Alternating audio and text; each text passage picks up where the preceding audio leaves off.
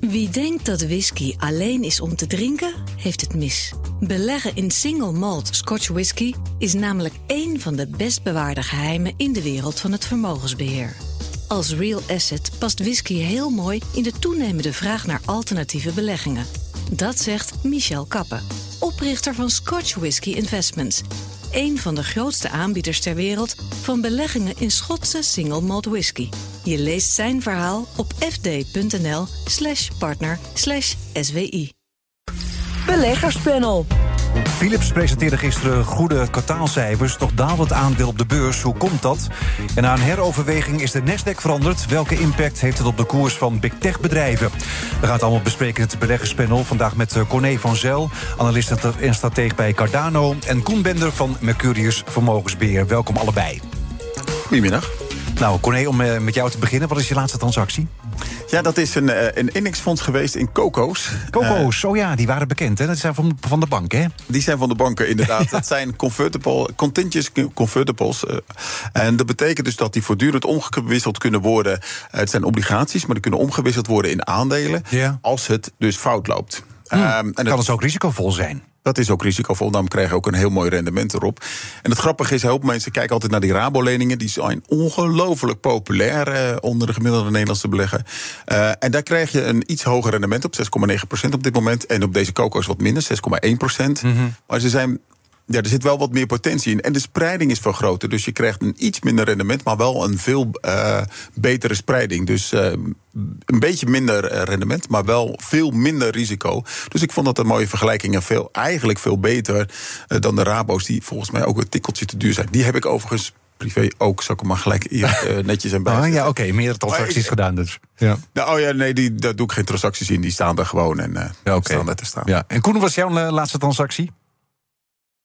Ja, onze, onze laatste transactie is uh, een uh, wijziging in ons uh, junior- en, en pensioenpotje-programma, waarbij we de positie in, in China iets hebben afgebouwd en uh, dat belang verschoven hebben richting opkomende landen. Uh, waar China nog steeds een onderdeel van is. Mm. Maar uh, we de eenzijdige, uh, ja, iets bredere spreiding ervan gemaakt hebben. Jij hebt er minder vertrouwen in in China? Nou, we zien dat uh, er ook veel kansen liggen in andere opkomende landen. Uh, zoals bijvoorbeeld India, waar de laatste tijd toch ook heel veel positieve dynamiek is. En ehm, ja, de, de heropening en het positieve effect daarvan in China laat langer op zich wachten. Ehm, en dus hebben we besloten om daar um, een bredere spreiding in aan te brengen. Oké, nou de Nasdaq ging gisteren op de schop. Tot deze week waren zeven grote techbedrijven, ook wel de Magnificent Seven genoemd, goed voor 55 van de marktwaarde van die index. Dat is nu na een herweging uh, veranderd. Heeft het nog gezorgd voor een chaotische dag, uh, Corné, of was het gewoon een beetje geruisloos? Nou, ja, het ligt eraan van hoe je het precies beoordeelt. Als je naar de koersgrafieken van de desbetreffende aandelen kijkt op die dag, dan zie je dat ze over het algemeen alle Magnificent Seven lager zijn gesloten. Dus het heeft een negatief effect gehad. En de, degene die een hoger heeft gewicht hebben gehad, zoals Broadcom, Costco en PepsiCo, die hebben allemaal een positieve stijging laten zien. Maar het grappige is, ze moeten al die indexfondsen, en de grootste is de, QQQ, die belegt dus in de Nasdaq. Um, die moeten op het slot handelen. Dus die moeten al die aandelen verkopen. Op, Mhm. op dat precieze punt. Dus, en je ziet dat er een hele Omdat het herwogen wordt, moeten zij inderdaad ook aandelen verkopen. Ja, inderdaad. Dus de, de, op het slot is, is de koers zo. Ja. En op het slot moet er dus gehandeld worden. Mhm. Dus je weet als handelaar van ja, maar er is een partij. En die heeft toch wel 200 miljard onder beheer. En die moet die aandelen op die prijs verkopen. Wat die prijs ook is. Dus daar kan je van tevoren al een beetje op speculeren. En oh, dat dus heeft. Het uh, was die- een kans ook voor sommige mensen dit. ja, inderdaad. En die kans heeft goed uitgepakt. Want inderdaad, de aandelen die er eh, de mindere weging kregen, hebben het slechter gedaan. En de aandelen die een hogere weging kregen, hebben het goed gedaan. Dus die speculanten hebben daar geld mee verdiend. En ik weet dat dat spelletje veel gespeeld wordt. eh, maar in dit geval kwam het ook goed uit. Want omdat het zoveel gespeeld wordt. Overspelen die al die speculanten soms wel een beetje hun hand en hebben ze te grote positie. Hmm. En dan blijkt het effect tegen te vallen. Maar in dit geval eh, wer- werkte het goed. Maar ja, Dus- so- sommige aandelen zijn dus ook gedaald. Dus er zijn ook beleggers die hebben hier eh, eh, ja, misschien wel op verloren dan. Nou ja, de winst van die speculanten is het verlies van de Ja. indexbeleggers. en eh, dat, dat is zo. Ja. Koen, waarom is het zo erg dat zeven bedrijven de dienst uitmaken bij de Nasdaq? Nou, dat is toch wel een hele eenzijdige uh, uh, belegging. En daar zijn ook regels voor. Hè. Er zijn regels dat bepaalde fondsen niet meer dan zoveel procent weging mogen hebben. en ja, als je dan zulke dominante partijen hebt als een, een, ehm, nou ja, een Microsoft bijvoorbeeld, ja, dan, dan wil je dat afromen en onder bepaalde niveaus brengen. Het geeft ook geen representatiever beeld meer. Uh, maar goed, dat is, dat is een andere zaak. Er zijn ook gewoon handelsregels die stellen van nou, het mag niet te eenzijdig zijn, je moet breder gespreid. En dat liep uh, tegen, uh, nou, eigenlijk over de grenzen heen. Ja, waar die index inderdaad, die werd wel erg, erg afhankelijk van die Magnificent Seven. Ja, Apple, Amazon, Microsoft, Tesla, Nvidia, Meta en Alphabet. En dan heb ik ze allemaal gehad, geloof ja, ik. Inderdaad. Ik vind het heel knap voor je. Ik heb er altijd wat moeite bij om zo uit mijn hoofd te zeggen. ik heb ze hier op papier staan, collega. Ja, maar hoe werkt zo'n herberekening? Nou, heel simpelweg, je gaat gaan kijken van hoeveel aandelen er op dat moment in zit. En dan ga je datzelfde mandje met de uiteindelijke waarde moet hetzelfde zijn. Op basis van die slotkoersen gaat dat mandje er dus zo uitzien. En dus hebben we van tevoren een indicatie gekregen hoeveel die weging daadwerkelijk zou zijn. En dan hangt het nog af van wat de daadwerkelijke prijs op dat moment is. En dan ga je een bepaald aantal verkopen en, en het andere aantal ga je kopen. Ja, maar kan Nasdaq dat zomaar doen? Dat ze denken van nou, die, deze zeven die wegen nu even gewoon te zwaar. We gaan het allemaal weer uh, herwegen. Nou, ze hebben in de regel staan dat uh, alle aandelen met uh, een weging van meer dan 4,5% bij elkaar niet meer dan 48% mogen wegen. Dus zeggen, nou ja, dat is dus nu wel het geval. Dus gaan we herwegen zodat ze onder die 48% uitkomen. En dat, uh, op, dus dat staat gewoon in de regels en die hebben ze uitgevoerd. Ja, en nu dan? Hoe ziet de Nasdaq er nu uit dan? Nou ja, iets, iets minder scheef nog steeds. Heel veel richting uh, dat soort uh, grote techbedrijven. Uh, maar ja, een stuk minder scheef. Ik geloof dat ze nu op iets van 43% die Magnificent Seven uitkwamen. Dus dat betekent nog steeds als je in de Nasdaq gaat beleggen, dat je nog heel erg gevoelig bent voor wat er met die, test, die, die uh, techbedrijven zijn gebeurd. En laat wel wezen, de Nasdaq heeft even uit mijn hoofd gezegd 35% laten zien. Dat komt met name door die techbedrijven. Mm -hmm. Dus het is ook wel heel fijn dat ze zo'n grote weging hebben daarin. Ja, want anders was die stijging nooit zo groot geweest, bedoel je? Nee, inderdaad. Nee, oké. Okay. Maar je zei het al, van gisteren was dan een spannende dag. Sommige mensen hebben er flink op gespeculeerd, anderen hebben misschien iets ingeleverd. Was het eenmalig? Ik bedoel, juist omdat die, die omslag nu gemaakt moest worden? Of of zie je dat de komende dagen nog weer verder Nee, de, de, deze beweging is eenmalig. Het is eigenlijk iets technisch, want onderliggend ver, verandert er niks met de bedrijven. De bedrijven maken nog evenveel winst. Uh, alleen de koers gaat nu een beetje naar beneden, omdat er heel veel aanbod is geweest. Ja, vraag en aanbod zou je altijd. Uh, die bepalen uiteindelijk op korte termijn de koers. Op lange termijn is die winstontwikkeling, maar op korte termijn is het vraag en aanbod. En er was nu wat meer aanbod de, dan vraag. Ja, nu gaat het wel om uh, gigantische bedrijven natuurlijk. Apple, Amazon, Microsoft, et cetera, Tesla. ja, Koen, misschien over een tijdje moeten we weer een herweging plaatsvinden, of niet? Nou ja, dat risico is natuurlijk wel. Hè? Want uh, uh, het, het gewicht, het collectieve gewicht van deze zeven bedrijven is weliswaar omlaag gegaan. Maar nog steeds heel erg dominant. Hè? Met uh, die 43 procent die, die Corné net noemde. dus dat betekent dat je als je zo'n index wil kopiëren, je eigenlijk met, met zeven bedrijven heb je al 40 procent gedekt. Als die eenzelfde ontwikkeling laten zien. En Uh, ze zijn heel hard gestegen.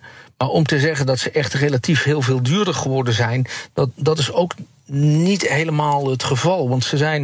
Uh, we krijgen straks de, de cijfers van onder, onder andere uh, Microsoft na, na beurs. Mm -hmm. Hun uh, groei in met name die cloud business is nog steeds gigantisch. En het leervermogen dat ze daar uithalen. Er zijn maar een paar bedrijven die in die cloud opereren. Dat is, dat is Amazon, dat is um, uh, Microsoft en dat is Google. Dat zijn toevallig ook um, drie van de zeven bedrijven waar we het over hebben. En deze onderdelen van de economie, linksaf of rechtsaf, blijven gewoon uh, op een dominante manier groeien. Dus de kans dat deze bedrijven heel sterk zich blijven ontwikkelen, is, is wel aanwezig. Het is ook een business.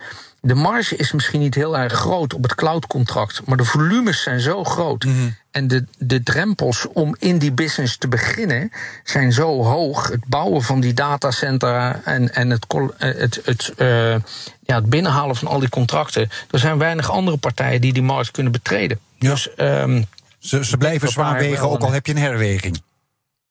Ja, en, en of het nou gaat over de cloud of uh, dat het gaat dadelijk over het, uh, het slimme leren, de kunstmatige intelligentie. Mm -hmm. Ook daar zijn deze bedrijven toch weer in de kern uh, van. Het gaat om de data, het gaat om rekenkracht. En dat komt allemaal bij deze jongens terecht. Dus het is wat dat betreft al een ja, een, een eenzijdige economie die zich ook in de beursontwikkeling door kan zetten. Ja, is de Nasdaq uniek eigenlijk om dit te doen? Of heb je dit ook wel eens gezien bij andere beurzen, zo'n herweging? Nee, bij de AX gebeurt het uh, ieder jaar en soms zelfs uh, tussentijds. Als er een bepaald, een bepaald aantal uh, aandelen uitvallen of niet, als ze overgenomen worden. dus bij iedere index die wordt op zijn tijd herwogen. om wat voor reden dan ook. Hè. In het geval van uh, AX, als bedrijven te klein worden, vallen ze eruit. Mm. Uh, en dan bij de S&P 500 is dat niet anders. Dus, ja, okay. ASML zit er ook in, hè, in de Nasdaq, hè? Ja, heel opvallend. Er ja. zit één Nederlands aandeel ja. in en dat is ASML. En die heeft ook... er iets van of niet? Van nee, dit? nee, die hebben geen andere weging gekregen. Dus, uh... BNR Nieuwsradio. Zaken doen. Edwin Mooibroek. Ja, we zitten midden in het beleggerspanel vandaag met Corné van Zel en uh, Koen Bender. Ja, midden zitten ook in het cijferseizoen. Gisteren kwamen onder meer Philips en KPN met cijfers. Philips liet goede kwartaalresultaten zien. Toch daalde het aandeel gisteren. Zouden beleggers nog steeds zijn afgeschrikt door die slaapapneu-affaire? Uh, denk het niet, uh, omdat daar nou net helemaal geen nieuws over was. Maar misschien juist omdat er geen nieuws over was? Nou ja, de afgelopen twee jaar hebben we ieder kwartaal er nieuws over gehad. En ieder kwartaal was het slecht nieuws. Dus wat dat betreft was het eens een keer een positieve verrassing dat er geen slecht nieuws nee, was. Oké, okay, maar er was wel meer duidelijkheid beloofd, toch, bij deze nou, cijfers? Ik denk dat beleggers daarop hadden gehoopt. Maar Philips kan dat niet beloven, want dat is puur afhankelijk van de toezichthouder in de Verenigde Staten. Of daar meer duidelijkheid over komt of niet. En als je die duidelijkheid al hebt gehad, vervolgens hangt er nog steeds een heleboel re mogelijke rechtszaken boven je hoofd. Dus dat probleem blijft nog wel even voor. Dus ik kan me niet voorstellen dat de gemiddelde belegger daarop had gerekend. Uh, ja, en, en, zo ja, dan heeft u dus uh, de gevolgen daarvan nu uh, gemerkt. Nee, wat ik de vooral denk is dat de reden achter deze koersdaling was. Kijk, Philips is het derde aandeel van de AX dit jaar qua mooie performance. En dan staat het in het rijtje tussen uh, ASMI, ASML en, en BC. Mm -hmm. Dus wat dat betreft is het een, eigenlijk al een hele prachtige performance. En als die, nou oké, okay, er kwamen echt mooie cijfers. Op bijna alle vlakken waren die cijfers mooi. Behalve het orderboek, dat was het enige minpuntje wat er was. En als dat dan ja, als je dan uiteindelijk levert wat je levert, dan denkt iedereen: oké, okay, bezit van de zaak, einde van het vermaak. Laten we maar even winst nemen. Philips staat nog altijd op plus 45 procent dit jaar. Dus ik denk niet dat de beleggers mogen klagen. Maar het is natuurlijk wel cru. Dan laat je een keer mooie cijfers ja. zien en is iedereen tevreden. En dan gaat de koers naar beneden toe. Ja. Was het nou zo verrassend, Koen, dat die cijfers zo goed waren? Nou, ik, kijk, dat, we zien bij heel veel bedrijven op dit moment dat de, uh, de problemen die ze in het verleden hadden met het krijgen van onderdelen en daardoor productie die ze wilden draaien, maar niet konden draaien, dat dat uh, na het verleden verdwijnt. Hè. Daar hadden we het net in ons gesprek ook al even over. bij Philips is dat zo, maar dat is ook bij de automobielindustrie zo. Uh, ik denk dat bij Philips specifiek ja, de onzekerheid van snaap op nee, en daarin uh, verschil ik van mening met, met Corné. Ik denk dat dat wel een, een zwaard van Damocles blijft. En dat sommige beleggers ook hun, hun, hun, hun, knopen geteld hebben. En gezegd hebben: ja, we hebben even geen, geen vervelend nieuws erover gehad. De andere dingen gaan, gaan redelijk goed. Misschien is dit wel een mooi moment om een koersstijging van 45% sinds 1 januari te verzilveren. Ja. En uh, we, gaan, uh, we gaan wel even wachten. We krijgen misschien wel weer een andere kans als er toch weer nieuws over die rechtszaken komt. Dus uh, ja, ik, ik, denk dat dat uh, mogelijkerwijs ook meegespeeld kan hebben. Bovendien, de meeste bedrijven hebben tot nu toe niet een, een, een, verdere opmars laten zien. Ook een ASML. Ja, staat nu zo rond de 620. Heeft, heeft ook al 660 gestaan een paar weken geleden. Dus het lijkt erop dat het, het vuur. Uh, een beetje uh, naar andere delen van de markt begint te verhuizen. Uh, en niet meer bij die bedrijven die de eerste zes maanden het zo goed gedaan hebben. Dat die het stokje nu aan het overgeven zijn naar andere. en dat zou alleen maar goed zijn. Nou, laten we even luisteren wat CEO Roy Jacobs van Philips verwacht voor de rest van het jaar. We verwachten wel dat die verbetering die we zien uh, en hebben gezien in, in dit kwartaal, dat die zich doorzet in de rest van het jaar. Dus dat we zowel in de gezondheidstechnologie, dus de, de healthcare sector, als in de consumententak uh, een positieve groei zien in de tweede helft van het jaar. En dat geeft ook inderdaad de onderbouwing hè, voor het uh, verhogen van onze omzetdoelstelling. Ja, de rest van het jaar is dus ook erg positief. Dus je had beter nog even kunnen houden, toch? Nou ja, als je puur naar de koersperformance kijkt, dus niet. Uh, maar de, de cijfers waren goed. Op alle gebieden hebben ze een mooie omzetstijging laten zien. Mooie stijging van bedrijfsresultaten, alle segmenten. Um, en de vooruitzichten zijn verhoogd. Dus dat is allemaal positief. Dus ja, aan de cijfers lag het niet. Maar ja, op een gegeven moment zit alles al in de prijs. En, met plus 45 procent zullen hebben uh, sommige beleggers gedacht hebben... nou, het is even genoeg geweest. Ja, ook KPN uh, kwam gisteren met goede cijfers. Maar ja, dat deed niet zoveel hè, op de beurs, Koen. Nee, maar goed, KPN doet natuurlijk al een lange tijd. Uh, hebben ze niet van die hele hoge, hoge koersuitslagen. Maar wat wel mooi is om te zien, is dat het ja, bedrijf veel meer in de breedte uh, ja, goed draait. ook internetgroei, telefonie goed. Dus ik denk dat daar een hele mooie executie plaatsvindt. Maar om nou te zeggen van goh, het is een, het is een markt waarin je de onstuimige groei van, van het verleden. Nee, die is voorbij. Dat zag je ook bij de cijfers van Vodafone, die eigenlijk puur in de mobiele telefonie uh, zitten, maar daar heel erg moeilijk hebben. Uh, KPN zou je kunnen zeggen van ah, die hebben nog uh, het, het gelukt dat ze ook andere divisies hebben. Uh, onder andere de glasvezel waar ze succesvol in het uitrollen zijn. waar, waar, ehm, waar ze wel wind mee hebben. Ja, want bij... maar leidt dat tot. Ja. ja, bij KPN ging het zowel op de consumentenmarkt als op de zakelijke markt goed, toch? Ja, het gaat allemaal wat ja. beter. En oh nee. ik had gedacht dat het toch nog wel ietsje hoger had gekund. Maar het zijn gewoon uh, zeer concurrerende marktomstandigheden. En dat betekent dat jij je prijzen gaat verhogen, dat mensen vrij makkelijk kunnen overstappen. En dat doen ze dus ook. Dus die, die concurrentie blijft aanwezig. Desalniettemin kostenbesparingen, voorzichtige prijsverhogingen. Dat is de way to go forward. En uiteindelijk op langere termijn profiteren van dat glasvezelnet wat er ligt. En daar zijn de kosten dan al van gemaakt. En dan kun je de inkomsten er. Uh, ja, dan heb je dus niet meer de kosten, maar wel de inkomsten ervan. Ja, nou, we zitten midden in het uh, cijferseizoen. Er komt nog een heleboel. Waar kijk je naar uit, Corné? Nou, vooral de big tech namen die, die zullen het meest interessant zijn. En bij ons nog uh, vanmiddag na beurs komt de ASMI. Uh, Bezi zullen interessant zijn. dus zie je bij alle chippers dat het op korte termijn best wel moeilijk is. TSMC is ook een mooi voorbeeld daarvan. Op lange termijn is de AI-belofte. Maar op korte termijn gaat het gewoon wat minder met de economie. En dat zie je dan dus ook bij die chippers terug. Ja, maar waarom, ik bedoel, voor de lange termijn is het natuurlijk uh, positief hè, voor dat soort bedrijven. waarom kijken beleggers dan daar niet naar dan? Nou, dat kijken ze ook. Want als je naar de performance gaat kijken, die zijn echt gigantisch geweest. BC plus nee, 90 op dit moment bedoel ik, hè? Ja. ja. Nou, dus gaat nu iets minder, toch? Ja. Nou, nou 90% vind ik. Nee, nog... is, is best heel veel. Nee, maar ik bedoel, ja. Dus op korte termijn. Uh, kijk, het is heel mooi dat je op lange termijn heel veel belofte hebt. En je weet dat op basis van AI de vraag naar chips enorm zal zijn. Alleen ja, in de tussentijd moet je ook nog wel een beetje winst maken. En als het dal maar diep genoeg is, kan dat toch wel een teleurstelling zijn. Ja, want TSMC krimpt. TSMC die, die daalde ook op de, de slechte korte termijn cijfers. Maar, en ook daar geldt het voor. Die zullen ook heel sterk profiteren van AI. Maar ook dat was al in de koersjes verwerkt. Ja, Koen, waar kijk jij naar uit?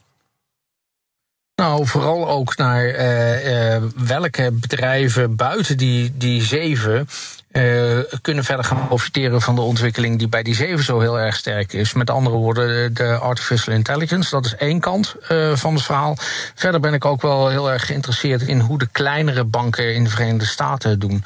Daar zat toch het probleem in het eerste kwartaal. Hoeveel hebben zij aan hun deposits verloren? En zijn ze in staat om dat nu langzaam maar zeker weer ja, da daarvan te herstellen en een voorzichtige groei te laten zien?